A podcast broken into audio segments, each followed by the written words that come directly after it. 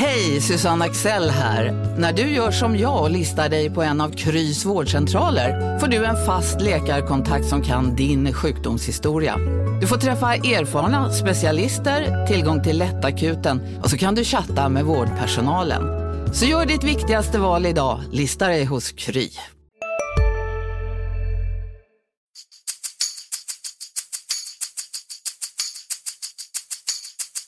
Varit mycket, mycket snack om det här inhoppet. Det är svårt att förbereda sig. Va? Så att, eh, det är mycket känslor som spelar över. När jag kommer hem ska vi fixa allt det där.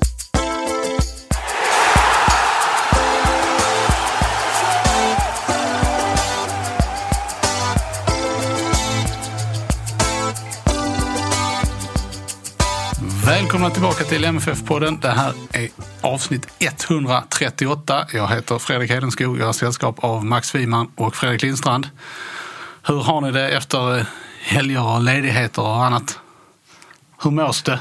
Ja, det mår väl gött. Men det är väl ingen som bryr sig om det. Alla vill väl prata transfers.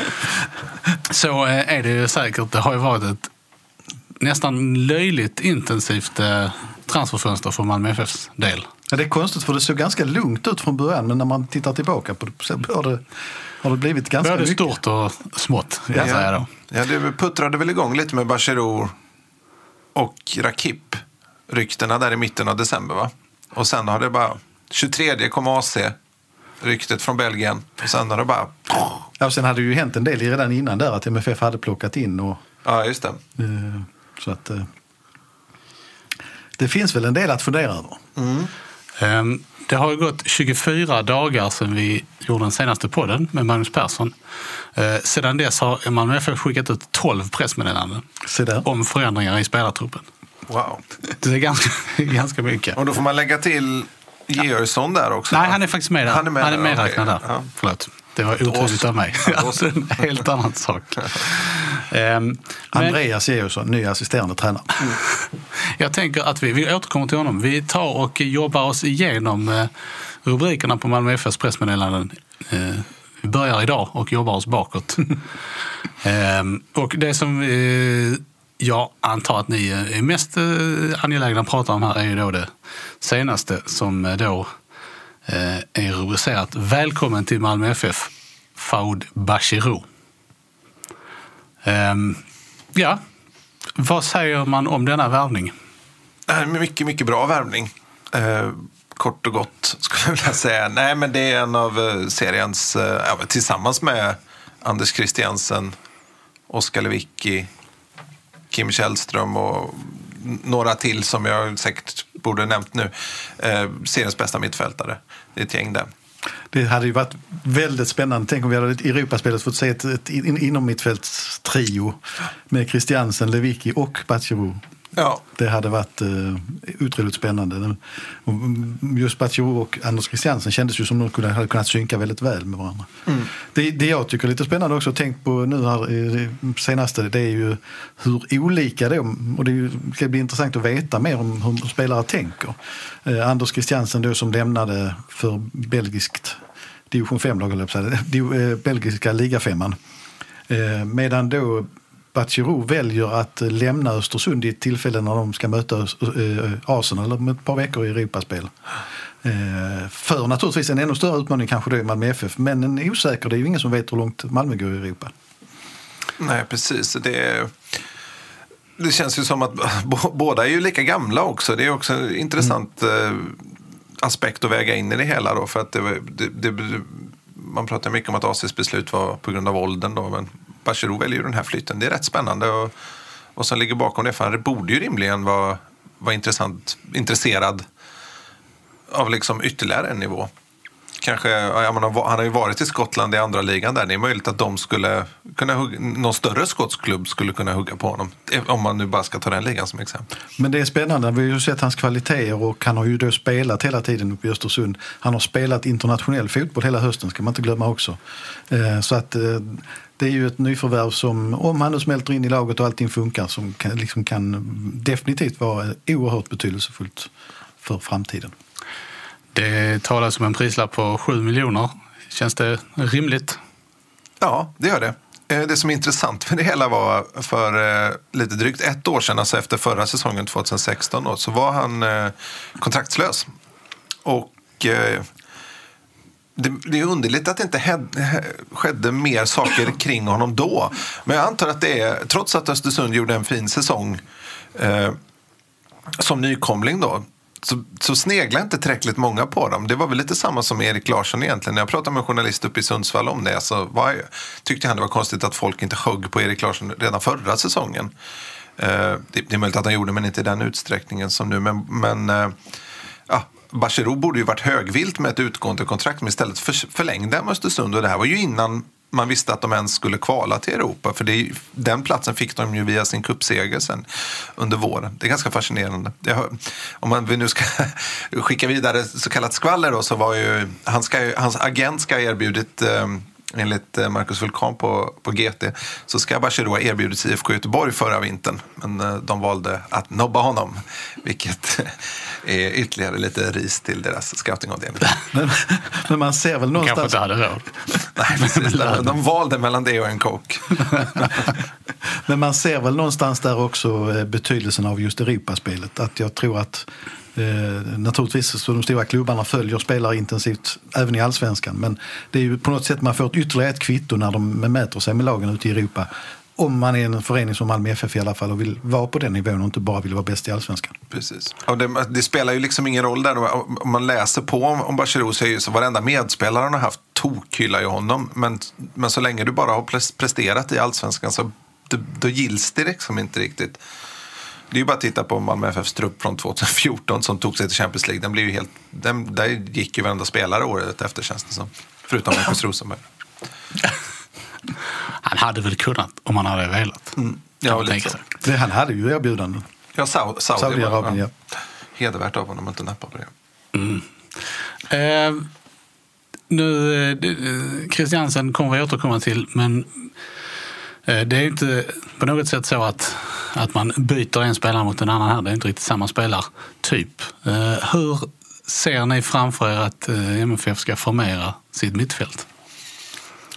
Jag tycker det är lite svårt att säga nu eftersom jag, enligt mig så fattas det minst en pusselbit på mittfältet fortfarande. Eh, Man måste täcka upp, eh, även om jag tror att Mattias Svanberg mycket väl kan få ett, ett ytterligare steg, eller ytterligare ett genombrott eller vad man ska kalla det kommande säsong så tror jag att MFF måste ha en etablerad yttermittfältare till minst.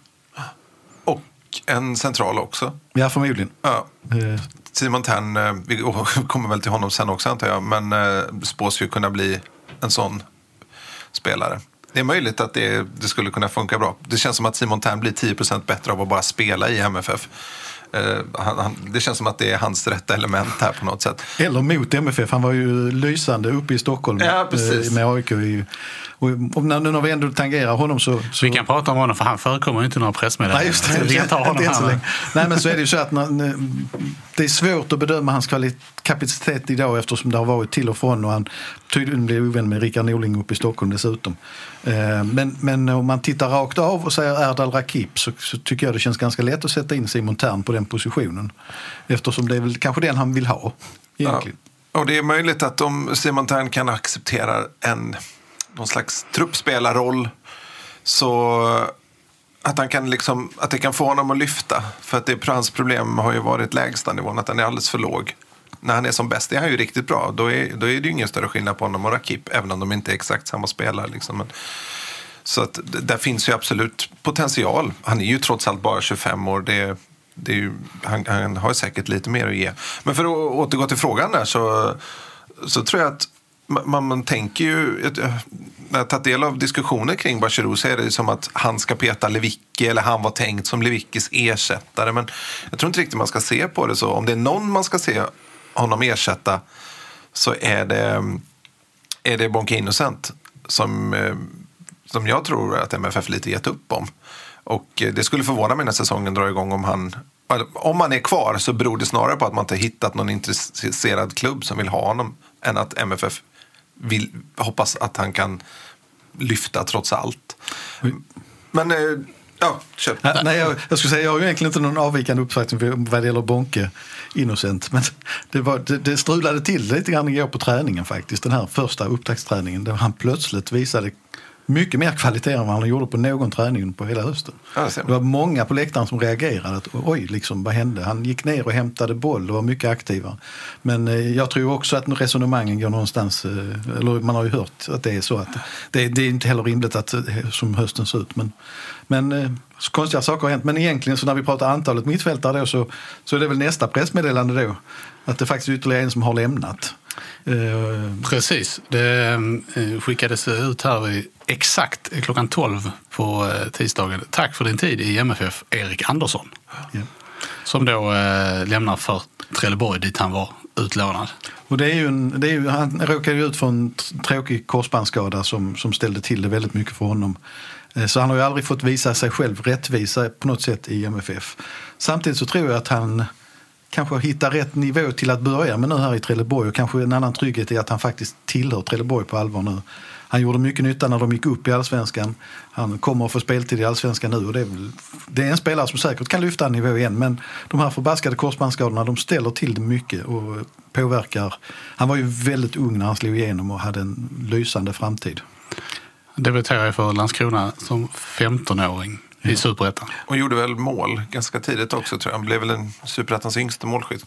Han figurerade på någon sån här lista över de mest lovande i Europa. Och, eh, eh, alltså, verkligen så. Men det, det, det, när du får en korsbandsskada när du är så ung så blir det ju ett väldigt tydligt stopp på något sätt. Så är det. Men han gick igenom hela förra säsongen utan nya skadeproblem och det är ju ett plus för honom. Får jag bara återvända till Bachirou? Absolut. Jag tror att man ska se dem eh, som ganska skickliga eh, skickligt innermittfältspar. Eh, båda, är, båda är ganska sittande, det går inte att neka till. Men om man tittar på hur Östersund, vad, vad, vad som har tagit dem till sina fram, framgångar då, så är det ju med två stycken sittande innermittfältare i Europa. Det är det som har fått det att funka. Bolltrygga, säkra och så vidare. Det, Det känns ju också som den eh, klassiska svenska Tom modellen. Prahl- Tom Prahl Ja, precis. Precis. Även Lars Lagerbäck. Ja, nej, men det kan vara ett, ett AC var fantastisk i allsvenskan. Och, men kanske inte riktigt lika fantastiskt i Europaspelet. Eh, även om det nu blev ju inte så vansinnigt många matcher för honom i det. Men eh, det blev, blev ju Fan faktiskt bara- hård där men du har, du har rätt. Ja, precis. Nej, men det, det är liksom... Det, är- det är ju där det kan behövas två sittande mittfältare. Det är, om man tittar på hur MFF ställde upp i sina Champions League-matcher och kanske framförallt i kvalet. Så var det ju näst, i stor majoritet matcher så var det ju Lewicki, Ado eller Lewicki Halsti. Nej, eh, Ado Halsti. Ado spelar ju de allra flesta matcherna. Så att det, är ju, det är ju lite receptet. Det svenska receptet är ju att ha bolltrygga, defensivt starka spelare. Och där, det där det ökar trycket på MFF nu det är ju, om vi pratar om den här högerspelaren igen, eh, det är ju faktiskt att man måste ha poängspelare in i laget. Eh, Traustason kan väl ersätta Jo Inge Berget, det ska väl inte vara några problem om man ser till meriterna. Men, men på högerkanten måste man ju ha en spelare som både gör mål och är assist. Därför att eh, Bachirou kan nog ge, jag vet att det snackas mycket om att han kan ge en hel del hockeyassist, han- andra passningar fram till mål. Men, men det har ju varit ganska få avgörande passningar direkt, eller rätt sagt det är några enstaka. Och han kanske kan vara mer offensiv i Malmö men, men eh, jag tror, jag tror det, det gör det ännu mer spännande som sagt vad som händer, vad som händer på högerkanten. Eh, sidospår där Fredrik, det, vad, vad har du att säga om fotbollen på eh, Komorerna? Ja, men den är ju på frammarsch. så att säga. Nej, jag vet inte. Eh, Nej, det, jag, vet- jag vet i alla fall var komorerna ligger nu för tiden. Det fick man snabbt googla upp här i december. En liten ögrupp eh, strax norr om Madagaskar. Massa militärkupper de senaste åren har jag noterat. Ja. Ehm, detta om detta. Ska vi hinna igenom alla får vi ta Ja, nästa. vi, vi Det är, alltså, det är alltså Bashirous nationalitet ska vi Ja. inte lägga till. Så Ja, inte kontext. Bra förtydligande. Eh, vi går vidare. Sixten Molin lånas ut till Dalkurd FF. Ja, Ja. är det... Det är du som är målvakten. Ja, men jag tänker... Eh, jag vet inte. Alltså det är klart att det ger ju honom större... Å ena sidan ger det honom lite nya möjligheter. Å andra sidan så är ju eh, chansen till speltid klart mer begränsad när man lånas ut till en allsvensk klubb jämfört med division 1 som det har handlat om tidigare. Samtidigt så ökar den ju med tanke på att Dalkurd tappat båda sina målvakter från förra säsongen. så att de inte har någon målvakt. Men det, Det är- alltså, det, inget elakt nu här om Sixten Molin, men jag tänker lite eh, Rick Kreuz över honom. Det känns som han fick ju ett femårskontrakt med MFF efter den där succén i U17-VM. Eh, och det har ju liksom inte riktigt burit eh, till nästa steg på någon högre nivå. Eh, och det som händer nu är väl att det är sista kontraktsåret med MFF. Eh, och att man då lånar ut honom tyder ju på att man faktiskt bara kommer att låta honom gå. Jag har svårt att se att man förlänger honom eh, i det här skedet faktiskt. Så är det nog. Så att det är väl, en, det är väl kanske lite hans chans också att, att eh, testa sig på en högre nivå. Och eh, vi kan ju tillägga där att LB07s målvakt Viktor Jakobsson eh, från förra säsongen är och provspelar med Dalkurd denna veckan. Ja, precis. Så det kan bli Väldigt malmöitiskt i många. Malmö-målvakter i Allsvenskan. Och vilka möts i Svenska Cupen? Ja, just det. Dalkurd och Malmö FF. Så det kan bli så att Sixten Modin spelar mot Malmö här inom kort. Precis. Ehm, vidare. I vilken stad spelar de i sådana fall? Jag ska bara tänka, det är hemmamatch för Malmö så det blir i Malmö. Ja, precis. Ska de, hur är det med deras namn? Uppgård. Det blir jätte... Uppgäst. Dalkurd. Ja, vi går vidare. Det kan bli några skämt på det under säsongen känns det som. Eh, eh, igår skickades, eller den 8 januari skickades också ut ett meddelande med rubriken eh, Välkommen till årets första träning för Malmö FF. Och Max, eh, du var ju lite inne här på eh, Bonke Innocent. Eh, men vad, vilka övriga intryck har du med dig från, från träningen? säga, vi, jag sprang ju yrade runt där som en höna eftersom vi hade tv-sändning. Och eh, ska be om ursäkt för en gång. Men det var därför jag sa Andreas Georgsson noga. För jag kallar honom för Ola Georgsson i sändningen. Det var pinsamt.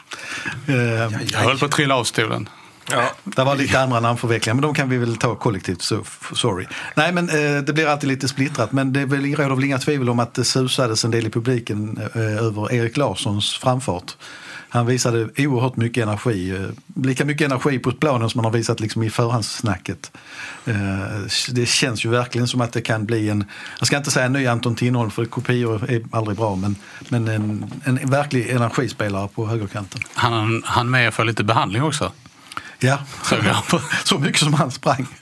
Och där var ju också under eh, typ fem sekunder så satt Marcus Rosenberg ner på planen med eh, Jesper Robertsson över sig. Det var det också lite nervöst men han reste sig snabbt. Men det var väl egentligen det eh, man kände. Sen var det också kanske lite tecken på att förberedelsetiden är kort. Att man körde en riktig träning så att säga. Man fokuserade på det som uttrycktes som uppspel från målvakt mot pressande motståndare. Eh, normalt sett så, så det blir alltså aldrig något riktigt spel på två mål till exempel. Vilket eh, man kan sakna lite på just en sån här publikträning. Men det visar väl att startsträckan är ganska kort. Och att uppehållet har varit ganska långt. Dessutom De det. behöver verkligen komma igång. Och man kan ju då notera att, att alla, alla var ute på planen. Eh, Carlos Strandberg körde inte för fullt men var igång.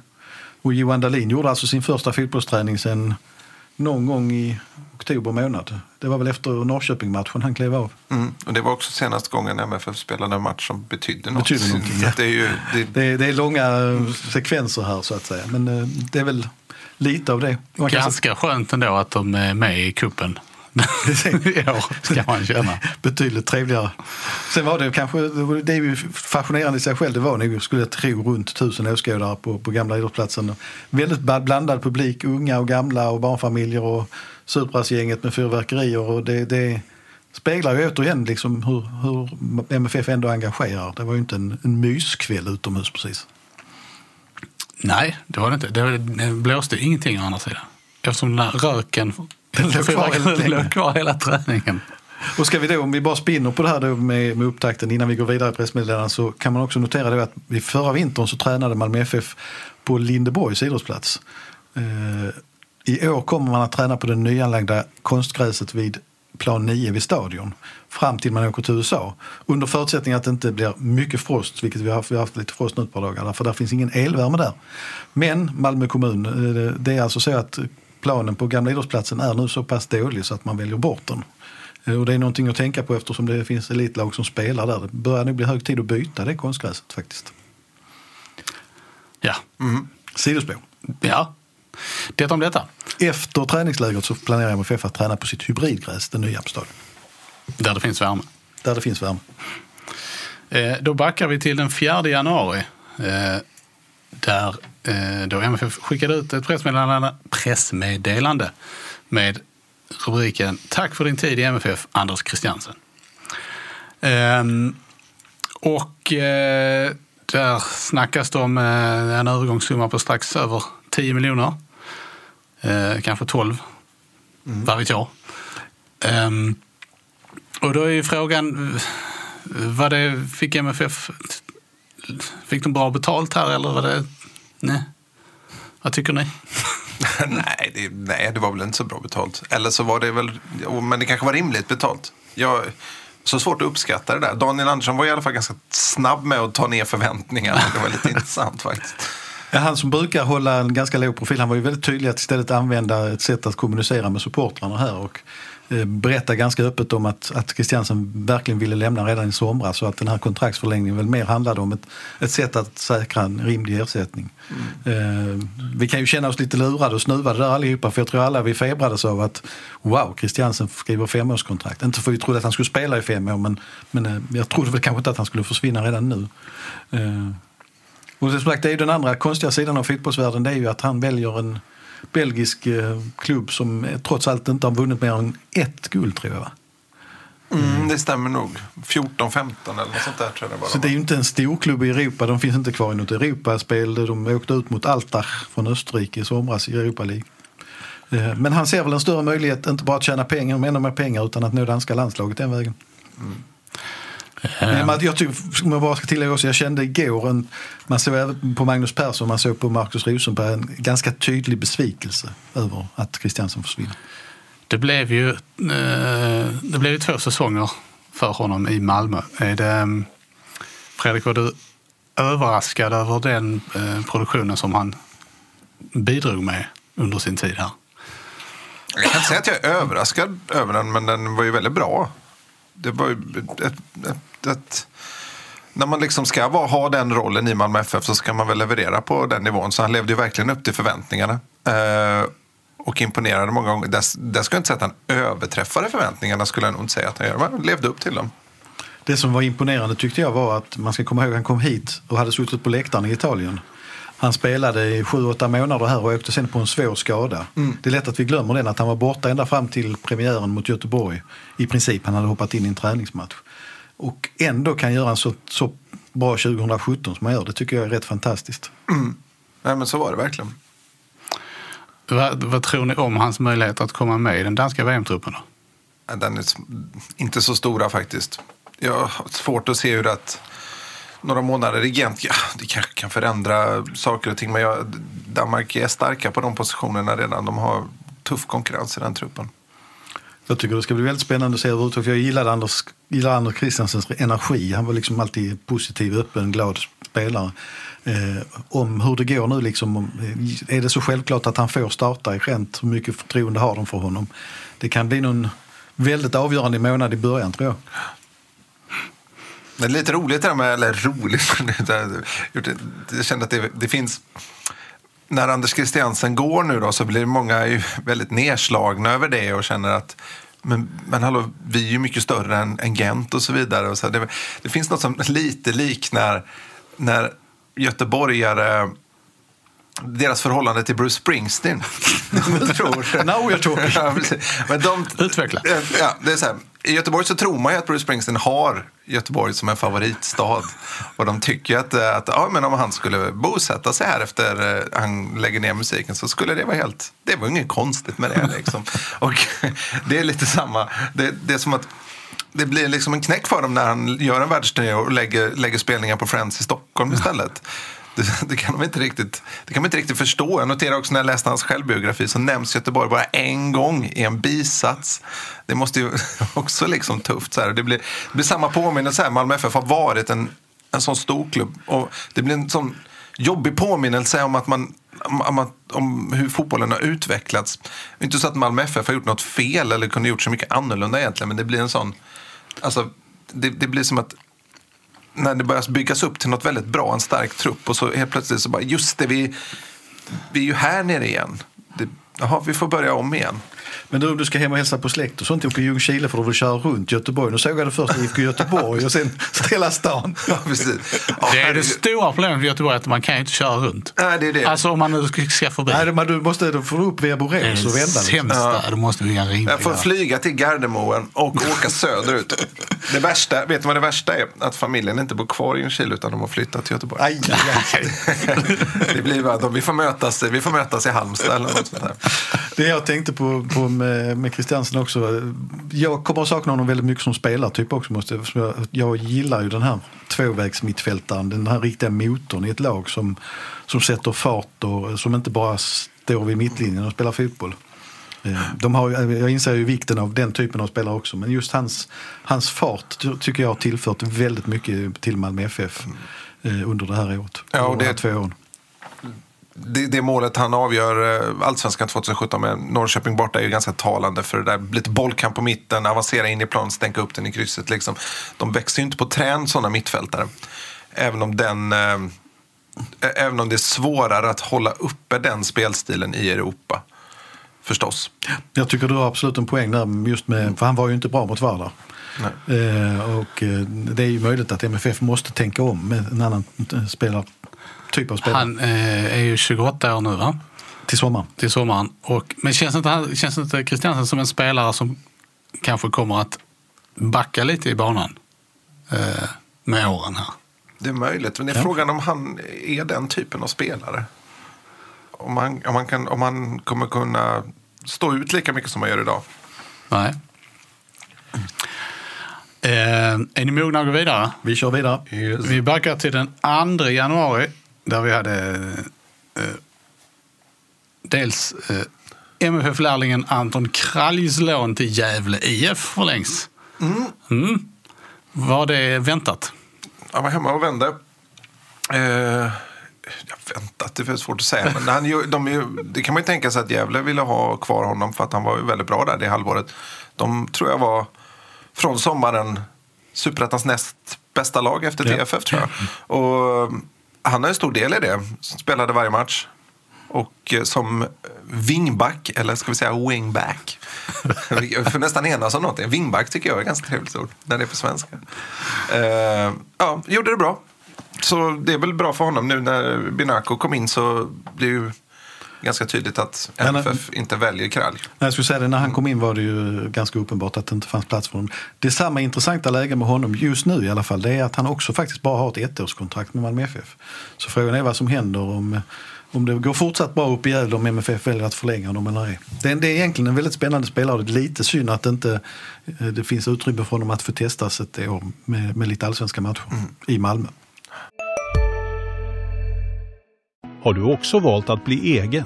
Då är det viktigt att skaffa en bra företagsförsäkring. Hos oss är alla småföretag stora och inga frågor för små. Swedeas företagsförsäkring är anpassad för mindre företag och täcker även sånt som din hemförsäkring inte täcker. Gå in på swedea.se företag och jämför själv.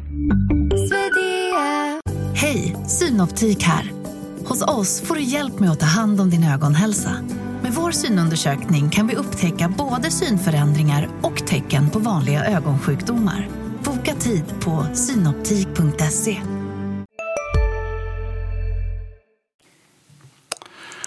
Eh, Den 2 januari sk- skickades också ut Tack för din tid i MFF, Erdal Rakip.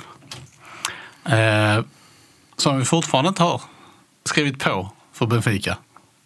Nej. Eh, du som har örat på den portugisiska myllan. Vad är det som händer? Flytande portugisiska. Eh, nej, han åkte ju ner alltså torsdags. Vilket ju snart är en vecka sedan. Men då, och möttes av ett, kan man kalla det för stort pressuppbåd? Högljutt och eh, Ja, det var intensivt i alla ja, fall. intensivt, aggressivt nästan. En rolig detalj är det här. Man tycker att när Erdal Rakip kom dit så var de ju alla på väg genom den här ankomsthallen. Den här videon finns i ditt blogginlägg om det hela så man kan gå in på webben och kolla. Eh, så tänker man att han ska vara på väg mot en bil men istället om man tittar noga så är han ju på väg mot de här snabbtågsautomaterna. Vilket är, så man har velat se den filmen fortsätta för han hade liksom kamerorna stått när han försöker så här, tyda portugisiska. Jaha, två euro för att få komma in till, till stan. Ah, hur som helst. Eh, Sen blev det ju väldigt tyst. Dagen innan Benficas match eh, som var i söndags så ville tränaren inte uttala sig om Rakip, vilket ju är rimligt eh, i och för sig. Men, och sen kom ju uppgifter i tidningen Rekord, eller ja, med reservation för uttalet där, eh, att eh, han eh, kan lånas ut eh, direkt. Och eh, ja, för att få tempo hela tiden. De, de spekulerar då i att eh, konkurrensen är för stor på, i, i Benfica, spelarmaterialet för bra. Och i och med att Erdal Rakip inte kostar någon övergångssumma så ja, vill han sett sig råd att, chansa lite grann med honom. Eh, de, det, när tidningen gav ett exempel på en kroatisk spelare som vars begynnelsebokstäver var MM, men jag kommer inte ihåg vad han hette just nu.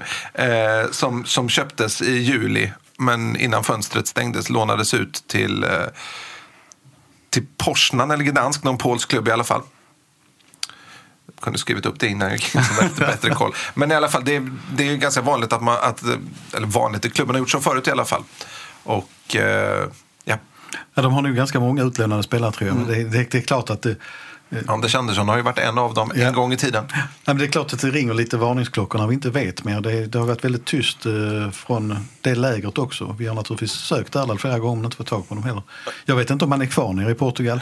Eh, men det är ju inte, det är inte normal övergångsfas att man är kvar så länge utan att det händer någonting. Jag kollade så sent innan vi gick in här nu.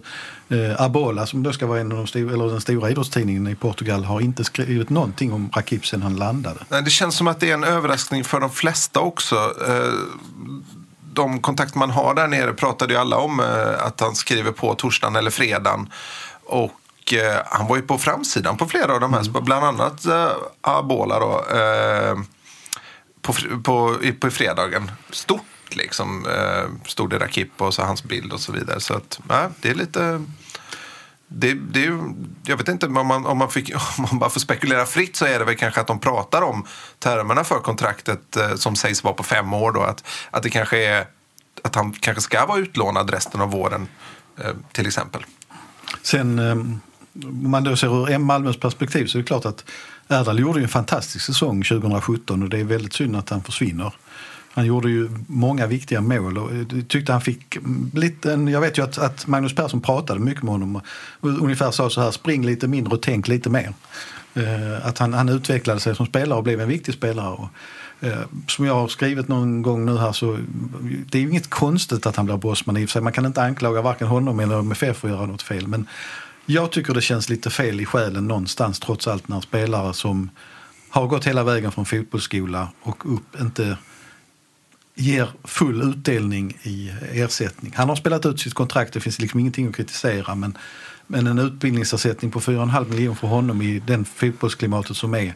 Han har kostat Malmö FF mycket, mycket mer att utbilda faktiskt. Mm. Ja, men det håller, på tal om utbildningsbidraget, jag såg någon som skrev det klokt eh, på Twitter jag kommer tyvärr inte ihåg vem, eh, vem det var. Det säger jag inte bara för att... utan det är alltid trevligt när källan visar sånt. Nej, men som skrev det att, att det här utbildningsdraget borde ju faktiskt höjas rätt ordentligt generellt sett med tanke på hur mycket mer pengar alla övergångar handlar om nu.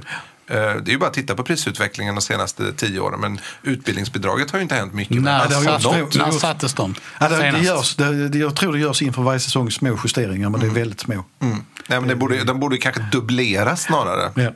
Det, är, jag menar, när, det, enda som händer i Europa är ju att klubbar distanserar sig från de andra. Men det är ju bara att titta på Liverpool, en storklubb som har hur mycket fans runt världen som helst. Men det ändå mm. måste sälja de ju Coutinho till Barcelona. Visst, och där ökar distansen ytterligare mellan med liksom den, de allra, allra bästa och de som är bra. Och man måste hitta ett system där man faktiskt kan betala tillbaka lite. Och där, utbildningsbidraget är ju en väldigt bra grej.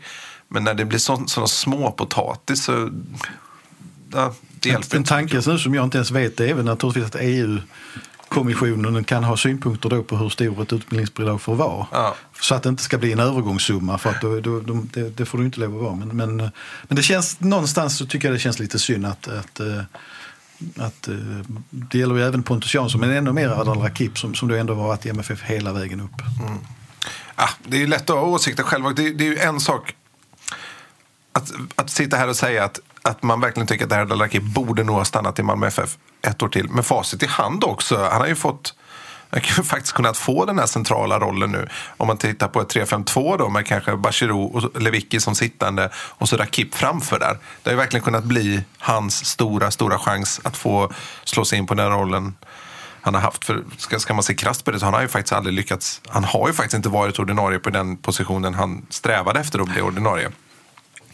Men också för att han hade varit mer redo för det.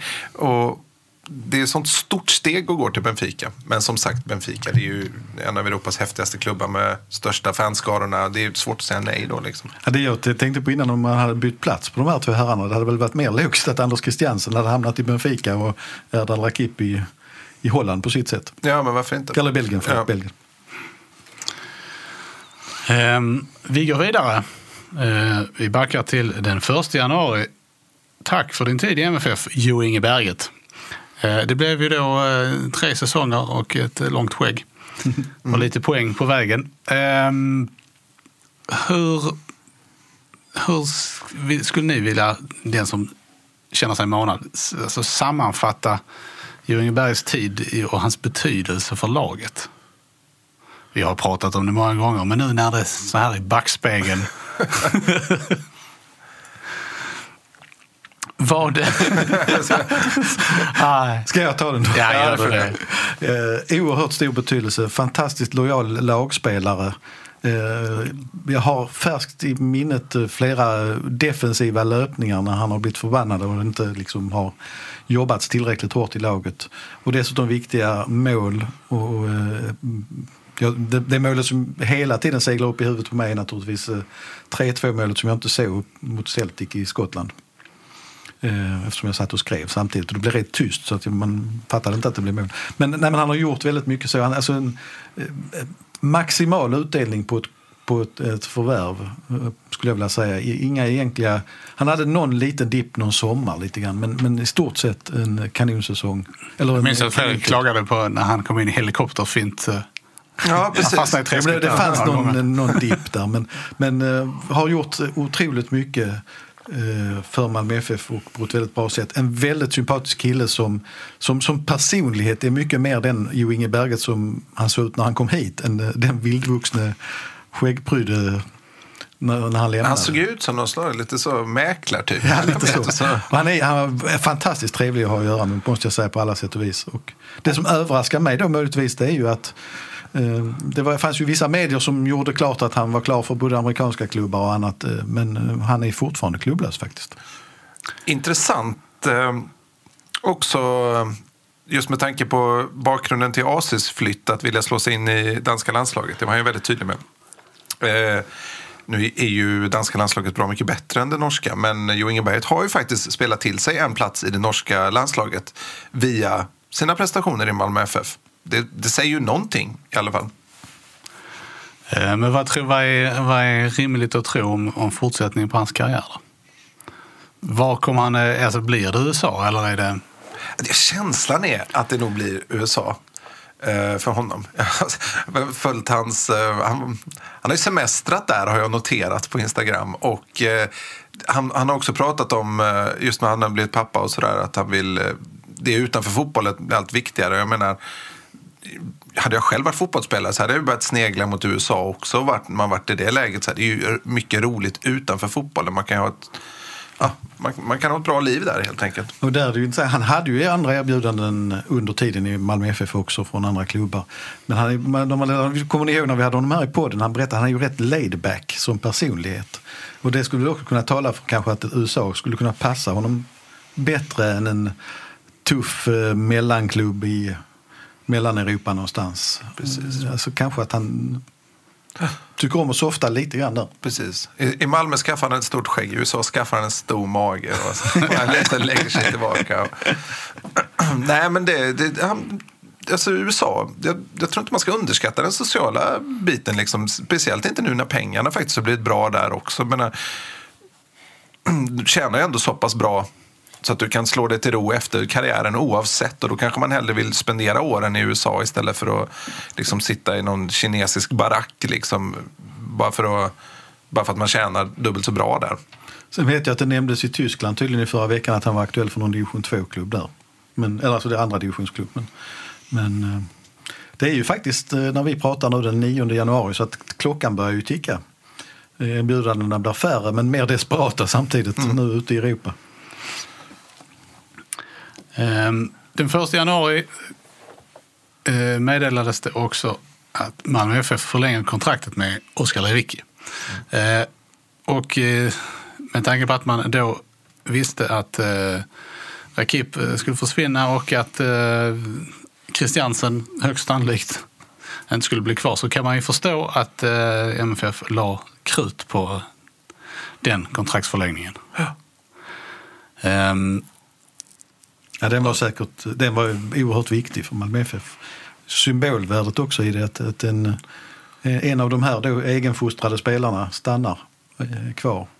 Samtidigt inte helt överraskande eftersom Oskar Lewicki känns ju som en väldigt jordnära Ja, han, var, han var ju säkert den som var enk, alltså, som hade kortast eh, liksom transportsträcka för att, att stanna. Det blev väldigt konstigt uttryckt. Nej, och sen någonstans, jag vet inte vad ni tror, men, men man, man får vara kanske vara lite krass också att den spelartypen kanske inte var den hetaste ute i Europa. Och, eh, om det nu var sant det som pratades om eh, polskt lag. Mm, va, Le, Lega Warszawa var det va? Det var det va? Och Brönnby. Så det, det, är ju, det är ju klubbar på Europanivå, klubbar som är ute på hög nivå, men det kanske inte är superattraktivt. Och återigen om man gör jämförelsen rent sportsligt där med Malmö FF så kanske utmaningen hemma är väl så rolig. Ehm, Det är också så MFF, eh, om man tittar på centrallinjen och så Marcus Rosenberg gör ju sin sista säsong nu. Det tror jag man kan slå fast att han inte kommer förlänga ännu en efter detta. Han gjorde en liten öppning om de till Champions League. Ja, okej. Slutspel. Ja, ja, jag stänger den dörren mot honom. Eh, men, och sen kanske man kan tänka sig att Frans Brorsson nog inte stannar längre än nästa säsong också. Där har man ju rätt mycket egenproducerat som försvinner. Så att få behålla Oskar Lewicki är ju enormt viktigt av den anledningen. Man kan man ju tycka så att det inte borde spelas som en bra spelare med en bra spelare. Men MFF bygger väldigt mycket på, på kultur. Att, att underskatta den delen är ju att inte riktigt förstå föreningen tycker jag. Så att eh, symbolvärdet är, är, är enormt. Alltså. Och även om det inte står i kontraktet naturligtvis så skulle jag ju inte förvånas över om det finns en plan att nästa lagkapten i Malmö FF heter Oskar Lewicki. det låter ju fullt rimligt. Eh, nu backar vi ända bak till den 22 december faktiskt. Oj. Tack för din tid i MFF, Magnus Wolf Ekrem. Eh, Har han lämnat? Ja, en tid i klubben som man fortfarande inte är riktigt klok på. Liksom spelaren. Det är bäst Fredrik tar den för det blir så mycket tårar här annars. Ja, nej men det, är- det är verkligen så. Å ena sidan och andra sidan har det blivit med honom. Varför är det så då? Ja, men man, alltså jag, det går ju svårt att kritisera Magnus Persson för beslutet att välja andra vägar och inte tycka att någon spelare passar in i systemet. Sen kan jag ju tycka att det, det tog sig lite väl hårda uttryck. Jag menar, jämför med Pavel Cibicki fick ju oerhört mycket chanser. Och Det här har vi ju inte en våldsamt bra närkamps slash pressspelare då, om det är det man är ute efter. Så ah, jag vet inte, det var det blir väldigt spekulativt av mig nu. Eh, Men hela den här podden blir ju lite ganska spekulativ. Så att det, det känns lite som att, han, att Magnus Persson ville någonstans visa att jag tror på, mitt, jag tror på min idé. Och Eikrem blev lite den som drabbades av det. Eh, olyckligt, men det känns i alla fall bra att de skildes. Det verkar, det verkar som de skiljs som vänner i alla fall. Det känns ju lovande. Inga hard feelings i, i överkant i alla fall. Även om Magnus Eikren Eikrem inte kommer fira jul med Magnus Persson i, i fortsättningen förstås. Men eh, eh tråkigt på något sätt att han försvinner från Allsvenskan med spelare som är väldigt rolig att se. Liksom. Om han nu inte hamnar här i alla fall. Nej, väldigt underhållande spelare och väldigt, väldigt, väldigt hög högsta nivå. Eh, Men som sagt, systemet på något sätt slog ut honom. Och det, eh, samtidigt ska man erkänna att han, han hade ju en väldigt svajig form. Alltså han, när han var bra då var han riktigt bra, när han var dålig så var han inte bra. Eh, Jag vet han tyckte inte om att prata om det själv men jag vet inte hur mycket hans eh, diabetes faktiskt påverkade honom. Han hade en rätt lång dipp ett, en vår i Malmö som började med att han mådde väldigt dåligt i, eh, uppe i Borås mot Elfsborg. Och det kan ju vara sådana saker som också har påverkat honom. Men, så lojal och så tyst som han var här med tanke på hur det ser ut från att ha varit bäst i allsvenskan till att inte få spela var egentligen rätt fantastiskt. Och Molde jobbar nu stenhårt på för att få honom att stanna i Norge.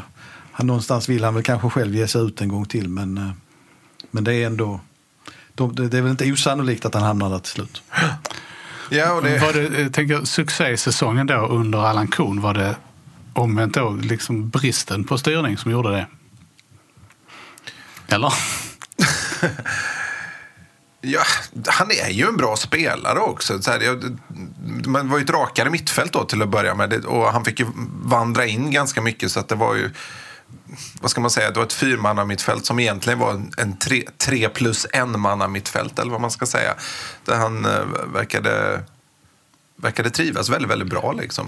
Och sen så handlar det väl naturligtvis någonstans om kemi. Det är lätt att vi glömmer det men eh, eh, han hittade Vidar Kjartansson på ett fantastiskt sätt. Mm. Ja, men det ska man nog inte glömma bort att om man tittar på, på anfallarna där så gjorde de ju mycket fler mål det ja. året. Och eh, Ekrem var ju som bäst så länge Kjartansson var kvar i Malmö. Mm. Sen, sen, han var ju inte lika, sen blev han ju skadad också på hösten men han började ju tappa lite redan innan dess. Um, vi får se var uh, hans karriär fortsätter någonstans. Ja, jag hade satsat en slant på Molde om jag hade spelat. Ja, men behöver man en omstart så, så är det tenderar ju det till att vara bra att gå till rötterna någonstans på något sätt. Eh, 21 december, Andreas Georgsson, ny assisterande tränare i Malmö FF. Eh, och då kan Max berätta mer om vilken roll han ska fylla. Ja, han, eh, det var ju, framkom ju egentligen på medlemsmötet några veckor tidigare och det var ju ganska tydligt att det handlade om Georgsson. Eh, han kommer ju vara en länk mycket mellan eh, A och eh, vad ska jag säga, ordinarie A-trupp och lärlingar. Och det var egentligen det som jag ifrågasatte när MFF skrev alla de här lärlingskontrakten i höstas.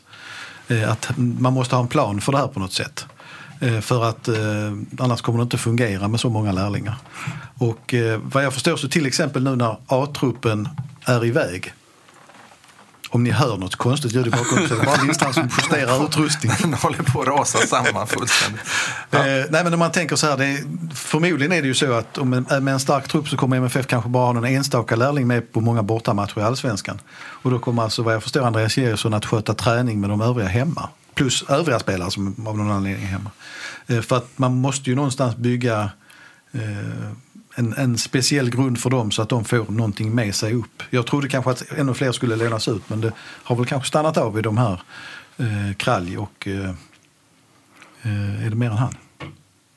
Tänker jag efter. Det är väl i första hand han som har släppts iväg av dem. Ja, en målvakt också. En, målvakt, en, målvakt en av de yngre som gick till Lund va? Jakob Tonander, ja just det. Så. Det är rätt. Mm. Eh, Men Anders, Andreas Georgsson har ju varit i Malmö FFs ungdomsverksamhet i väldigt många år och kan föreningen utan och innan. Och har varit med och fostrat många av de här spelarna. Jag tror också att han är en uh, flitig poddlyssnare, om jag inte vet fel. För uh, jag vet att jag hade någon utläggning när Östersund gick upp uh, om att jag inte trodde på den här idén om uh, nykomlingar som ska spela sig kvar i Allsvenskan, för man har ju sett så många. Men nej, han, där gick han i polemik med mig på, på Twitter. Eh, och skrev att eh, det är möjligt jag hade lite för dålig koll på Östersund där. Jag hade sett dem ganska mycket i Superettan eftersom Ljungskile spelade där på den tiden. Men eh, nej, där fick han rätt och jag fel. Och det, då vet man att då är, man, då är det, ett, det är en kvalitetsgarant om något. Följdfrågan är hur många assisterande tränare kan man ha? Ja, det är en bra fråga egentligen. 32. Nej, jag vet inte. En till varje spelare. Nej, men uh, ja, det, de har väl nått taket nu kanske. Det är, väl, det är väl gränsfall till att det ska få kallas assisterande tränare om man ska vara så här petig kanske. Jag vet inte, kommer han stå i eh, tekniska zonen under matcherna eller? Nej, det tror jag inte. Nej. Det gör ju inte Jens Fjällström heller. Så att det står får han inte göra heller, det får bara en göra. Nej, just det, så är det. Mm. Ja. ja. Det är inget jävla dagis här. Jag vet inte om man, om man skulle spekulera fritt i att lägga till en vem, en, en, vem skulle det kunna vara? Eller vad skulle den kunna ha för tjänst? Nej, man har ju, man kan... Den nästa assisterande tränare. Ja.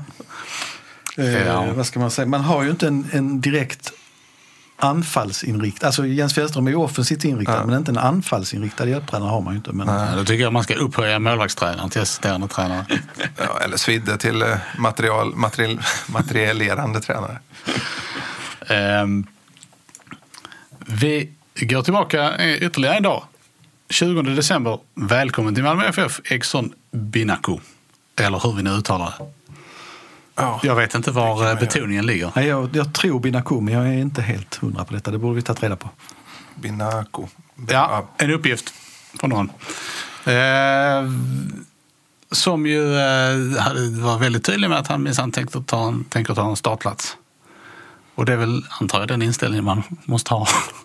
Ja, det är nog klokt. Det är väldigt Ja, jag tänker ta en två, tre år här på att växa in. Jag, jag vet för lite om honom så jag kan inte säga så här jättemycket om honom som spelare egentligen. Eh, Ha, eh, Han är en, en i raden av spelare att göra klubbytet Malmö FF-Häcken. Eller ha båda klubben på sitt, på sitt CV. Det är ganska intressant hur många det är. Eh, varför är det så? två bra ungdomsakademier antar jag är den stora förklaringen. Och eh, god, trevliga, goda relationer med varandra antar jag också att de har. Eh, nu har ju MFF bytt sportchefer lite oftare än Häcken, som har Sonny Karlsson som har haft, suttit länge på den posten. Då, men det är väl att det har vi ändå funnit någon form av röd tråd i Malmö FF eh, på positionen. Så att eh, ja, de har väl goda relationer med varandra. Det jag... Eh, eh, Vad ska man säga? Om man ska försöka jämföra de här två ytterbackarna nu, så, så har ju de väldigt olika personligheter.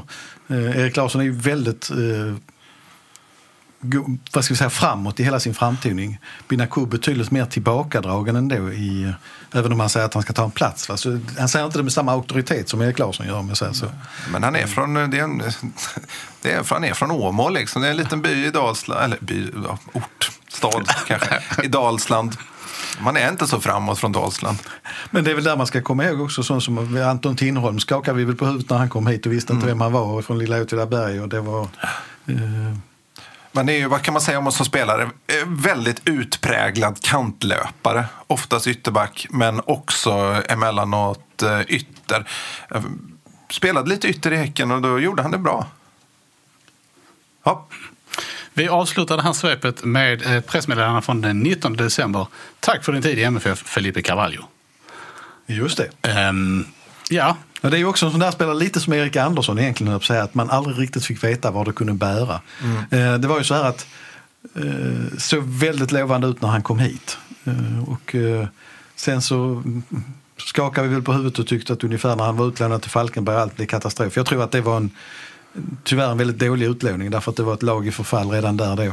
Men sen hände han ju- byggde inte självförtroende som försvarare. Nej, det kan man inte säga. Men sen hände ju någonting precis innan den här olyckliga eh, hälseneskadan på honom. Och det faktiskt ett par, tre allsvenska matcher där man såg att ja, men här börjar hända någonting. Det här kanske blir något. Eh, Gjorde ju också, visade sig vara ett, verkligen ett offensivt vapen när det behövdes. Ja. Och där, har- där har ju Malmö en brist om man tittar på mittbackarna. Lasse Nilsson och eh, Frans Brorsson gjorde väl båda till slut sina första allsvenska mål i år men, men eh, det är ju, du, du, får ju inte mycket av dem offensivt, så är det ju. Eh, och Carvalho gjorde ju eh, dels viktigt mål mot AIK borta, va, om jag inte minns nu. Och sen ska vi där också prata Celtic. Han gjorde ju det viktiga, även om det bokfördes som självmål, 2-0 målet mot Celtic i Champions League-kvalet. Han hade ju som ordinarie mittback kunnat göra rätt mycket mål på fasta situationer tror jag. Jag hade fortfarande velat se honom testat ett halvår som, som anfallare. Alltså det kunde, ja. men, eh, men lite synd att han försvinner ändå tycker jag. Fredrik, några tillägg? Nej. Nej, det ska bli spännande att se de kommande pressmeddelandena, vad de kan innehålla. Jag misstänker i alla fall en mittfältare till. Och eh, ja, Jag minns det mittfältare och egentligen, jag är inte helt, skulle inte tycka, jag skulle inte bli helt chockad om det dyker upp en anfallare nej jag skulle precis säga samma sak. Om man tittar på ett Europaäventyr som kommer innefatta kanske, jag minns två, kanske fyra matcher innan transferfönstret öppnar i sommar. Ja, det är kanske bara två, jag ska, jag ska, men, men i vilket fall som helst så det är ju en balansgång. Eh, Marcus Rosenberg ska inte spela alla matcher i år. Eh, Och händer det någonting med någon av Carlos Strandberg och Alexander Jeremejeff så är det väldigt tunt. Teddy Bergqvist är väl en spelare som jag inte blir förvånad om det slutar med en utlåning där till slut, trots allt. Kanske Vagic kan slå igenom. Han är ju, ja, han är ju mer... Ja, han kan vara både anfallare och yttermittfältare. Han- Det, det, det är definitivt en stor talang. Ehm, det kommer att hända mer säkerligen. Så vi eh, återkommer när Mm. det känns motiverat. Någon gång nästa vecka, kanske? Ja, det kan vi kanske växla upp lite grann nu. Ja. Det börjar ju närma sig cuppremiär. Eh, hur som helst, eh, nu ska Max snart hasta vidare till pressträff med, Jag med Bachirou. det är en sak som vi inte sa om Bachirou. Det är längden på hans kontrakt. Han har alltså skrivit kontrakt med Malmö FF till och med 2021. Vilket innebär att det är ett fyraårskontrakt. Lite medelväg då. Men det är ju ett långt kontrakt. Och eh, när man säger fyra år, inte fem, så är det ju trots allt eh, att han är, han är ju inte purung heller. Men motsvarande ålder så, skrev ju Christiansen ett femårskontrakt, men det var ju mer, visade sig... Inte purung alltså 27. Vill jag bara påpeka. Men eh, 2021 eh, har han skrivit på för eh, i alla fall. Ja, vi sätter punkt där. Det här har varit det 138 avsnittet av MFF-podden. Jag heter Fredrik Hedenskog. Jag har haft sällskap av Max Wiman och Fredrik Lindstrand och ansvarig utgivare är Pia Renqvist. Tack för oss. Hej, hej! Hej!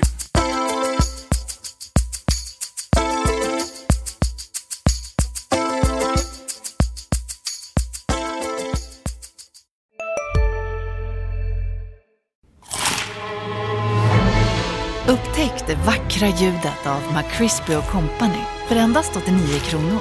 En riktigt krispig upplevelse. För ett ännu godare McDonalds. En nyhet. Nu kan du teckna livförsäkring hos Trygg-Hansa. Den ger dina nära ersättning som kan användas på det sätt som hjälper bäst. En försäkring för dig och till de som älskar dig. Läs mer och teckna på trygghansa.se. Trygg Hansa. Trygghet för livet.